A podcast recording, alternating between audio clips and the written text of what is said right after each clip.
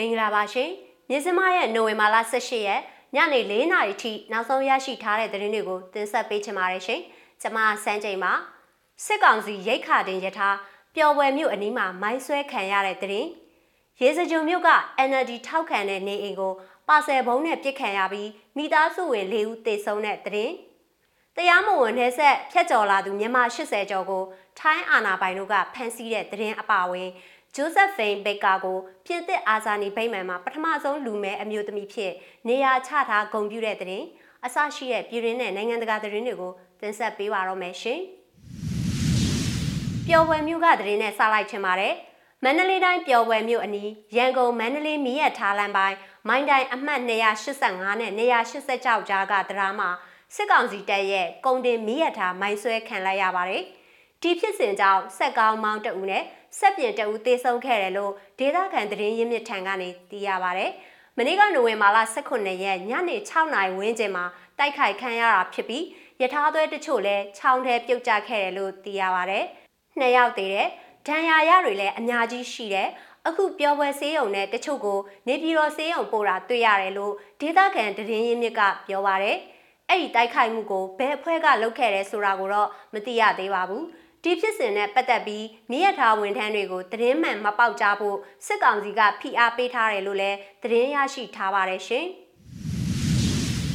ရေစကြိုမြို့ကသတင်းနဲ့ဆက်ချင်ပါတယ်။မကွေးတိုင်းရေစကြိုမြို့ထင်းတန်းရက်ကွက်မှာနေတဲ့ NLD ပါတီကိုထောက်ခံသူတဦးဖြစ်တဲ့ဦးအေးလိုင်ရဲ့နေအိမ်ဘုံပေါက်ကွဲခဲ့ပြီးတော့လူလေးဦးသေဆုံးခဲ့ပါတယ်။မနေ့ကည10:00နာရီကျော်မှာဆိုင်ကယ်တစ်စီးနဲ့ပါဆယ်ထုတ်ကိုလာပစ်သွားရမှာ တန်တကူပစ္စည်းထင်ပြီးဖွင့်ဖောက်ရာကနေပောက်ကွဲခဲ့တာလို့သိရပါဗျ။တေဆုံးသူတွေကအသက်52နှစ်ရွယ်ကိုအေးလိုက်သူဇနီးမမာစီအသက်20အရွယ်တမီးဖြစ်သူမအေးတင်းနဲ့အိမ်နီးချင်းဖြစ်သူအသက်48နှစ်ရွယ်ဒေါ်စီတို့၄ဦးဖြစ်ကြပါတယ်။မြို့ခံတအူအေယာဝတီတရင်ဌာနကိုပြောပြတာက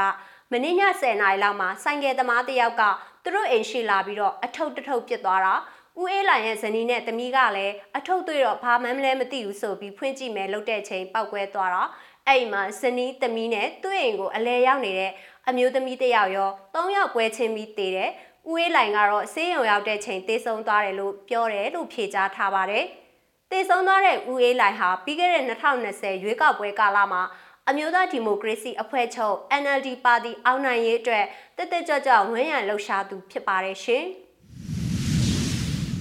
ဆက်လက်ပြီးတော့အလောက်ကန်ရရှိနိုင်ရင်မျှော်မှန်းပြီးထိုင်းဘက်ကိုတရားမဝင်နေဆက်ဖြတ်ကျော်ပြီးဝင်လာတဲ့မြန်မာနိုင်ငံသားအလောက်ကန်ရှာသူ86ကိုနိုဝင်ဘာ16ရက်ကထိုင်းနိုင်ငံမူအန်ဒေတာမှာထိုင်းအာဏာပိုင်တွေကဖမ်းဆီးလိုက်ပါတယ်။နောက်ထပ်မြန်မာနိုင်ငံသားတထောင်ကျော်ဟာလည်းနေဆက်ကနေထိုင်းဘက်ကိုလာဖို့အသင်းဆောင်ဆိုင်နေတယ်လို့ဖမ်းဆီးခံရတဲ့မြန်မာတွေကထိုင်းအာဏာပိုင်တွေကိုပြောဆိုခဲ့ကြောင်းဘန်ကောက်ပို့စ်သတင်းသဘုတ်မှာဖော်ပြထားပါတယ်။ထိုင်းရဲတွေ နေချားဆောင်ကင်းလဲတပ်ဖွဲ့တွေဒေသတာဝန်ရှိသူတွေပါတဲ့ပူပေါင်းအဖွဲ့ကတမ်ပွန်ခိုလက်အရက်က Sipsop နဲ့ Hep Delhi နေဆက်တော်လန်ဖြတ်ကျော်ရာနေရာတွေကနေတဆင့်ထိုင်းနိုင်ငံထဲဝင်လာခဲ့ကြတဲ့မြန်မာ86ကိုသိရှိခဲ့တာဖြစ်ပါတယ်။အဖမ်းခံရတဲ့မြန်မာတွေဟာအမျိုးသား52ဦးအမျိုးသမီး34ဦးတို့ဖြစ်ပြီးသူတို့ဟာဘာအထောက်ထားမှမရှိဘဲထိုင်းနိုင်ငံထဲဝင်လာခဲ့တာလို့သိရပါတယ်။အဲ့ဒီနောက်မှာ ဖမ်းဆီးခံရသူတွေကို COVID-19 ဆိုင်ရာကျန်းမာရေးစစ်ဆေးမှုလုပ်ဖို့တမ်မွန်ခလောင်ဝမ်အရက် Web Raptor နာဝီဝက်ခလောင်ဝမ်မှာရှိတဲ့စခန်းတစ်ခုကိုထိုင်းအာဏာပိုင်တွေကခေါ်ဆောင်သွားခဲ့ပါတယ်။ထိုင်းနိုင်ငံထဲတရားမဝင်ဝင်ရောက်လာတဲ့မြန်မာနိုင်ငံသားတွေဟာတော်လန်းကနေတဆင့်ထိုင်းနိုင်ငံထဲဝင်ရောက်ဖို့စီစဉ်ထားတာလို့သိရပါတယ်။လက်ရှိမှာတရားဝင်နယ်ဆက်စစ်ဆေးရေးဂိတ်တွေမှာအသွားအလာတွေအများစုကိုပိတ်ထားပါတယ်ရှင်။နိုင်ငံတကာဘက်မှာတော့ ဂျိုးဆက်ဖိန်ဘက်ကကိုပြင်သစ်အာဇာနည်ဖိမှန်မှာပထမဆုံးလူမဲအမျိုးသမီးဖြစ်နေရာချထားဂုဏ်ပြုတဲ့တဲ့ရင်ကိုကြည့်ရှုနားဆင်ကြရအောင်ပါရှင်။ဒုတိယကမ္ဘာစစ်အတွင်းကပြင်သစ်တော်လှန်ရေးမှာပါဝင်ဆင်နွှဲခဲ့ပြီးနောက်ပိုင်းခေတ်မှာလည်းလူမျိုးရေးခွဲခြားမှုကိုတွန်းလှန်ခဲ့တဲ့ပြင်သစ်အမေရိကန်အကမဲအဆိုတော်နဲ့ရုပ်ရှင်မင်းသမီးတူဖြစ်သူဂျိုစပင်းဘေကာကိုယခုနှစ်အကုန်ပိုင်းမှာပြင်သစ်နိုင်ငံရဲ့အထွတ်မြတ်ထားရာအာဇာနည်ဂူဘိတ်မန်မှာပထမဆုံးလူမဲအမျိုးသမီးအဖြစ် ဂုံပြုနေရာချထားမှာဖြစ်ပါတယ်။2018ခုနှစ်ဟိုလိုကောက်စ်အရေးခင်းကလွတ်မြောက်ခဲ့ပြီးကိုဝင်ဖြတ်ချခွင့်အတွက်တောင်းဆိုတိုက်ပွဲဝင်ခဲ့တဲ့ပြင်သစ်ဝန်ကြီးဟောင်းဆီမွန်ဘေးလ်နောက်ပိုင်းပြင်သစ်သမိုင်းမှာဂုံရောင်ထွန်းပြောင်ခဲ့တဲ့အမျိုးသား80ခန်းနဲ့အတူအာဇာနည်ဗိမ္မာန်မှာဂုံပြုနေရာချထားခံရတဲ့6ယောက်မြောက်အမျိုးသမီးဖြစ်လာခဲ့ပါတယ်။ American နွယ်ဘွားဘေကာရဲ့ရုပ်အလောင်းကတော့မြုပ်နှံထားရာမော်နာကိုမှာဆက်လက်ရှိနေမှာဖြစ်ပေမဲ့နွေမာလ30ရက်နေ့မှာ အောက်မေ့ပွဲကကြီးထိုးပြီးအာဇာနီဗိမ္မာန်မှာဂုံပြုနေရာချထားသွားမှာဖြစ်ကြောင်း၎င်းရဲ့ကလေးတူဖြစ်တဲ့ကလော်ဒီဘူရီယွန်ဘေကာက AFP ကိုပြောပြပါဗျ။အာဇာနီဗိမ္မာန်မှာထားရှိမဲ့နေရာအတွက်အချိန်ယူပြီးတေချာတိဆောက်ထားပါတယ်လို့သမ္မတအမန်နျူရယ်မက်ခရွန်ရဲ့ပြောခွင့်ရပုဂ္ဂိုလ်လီဘယ်ရီရှန်ကသတင်းတောက်တွေကိုတင်းနှင်းငွေနေ့ကအတည်ပြုပြောကြားခဲ့ပါတယ်။မစ်ဇူရီမှာ1906ခုနှစ်ကမွေးဖွားခဲ့ပြီး1985ခုနှစ်မှာကွယ်လွန်တဲ့အခါ မိုနာကိုမှာမြုပ်နှံတင်းကြိုခဲ့တဲ့ဘေကာကိုဆင်းရဲတဲ့မိသားစုတစုကမွေးဖွားခဲ့ပြီး15နှစ်အရွယ်မှာလက်ထပ်ခဲ့ပါတယ်။အဲဒီနောက်သူမဟာအိမ်ကထွက်ပြေးခဲ့ပြီးနယ်လက်ပြဆက်အဖွဲ့တစ်ခုနဲ့အတူလိုက်ပါခဲ့ပါတယ်။သူမကိုပြင်သစ်ပရိုဂျူဆာတူကမြင်းမြင်းချင်းသဘောကျသွားပြီးအသက်16နှစ်အရွယ်မှာပါရီကိုပို့ဆောင်ပေးခဲ့ပါတယ်။အဲဒီနောက်မှာတော့ပြင်သစ်နိုင်ငံမှာ jazz guitar နဲ့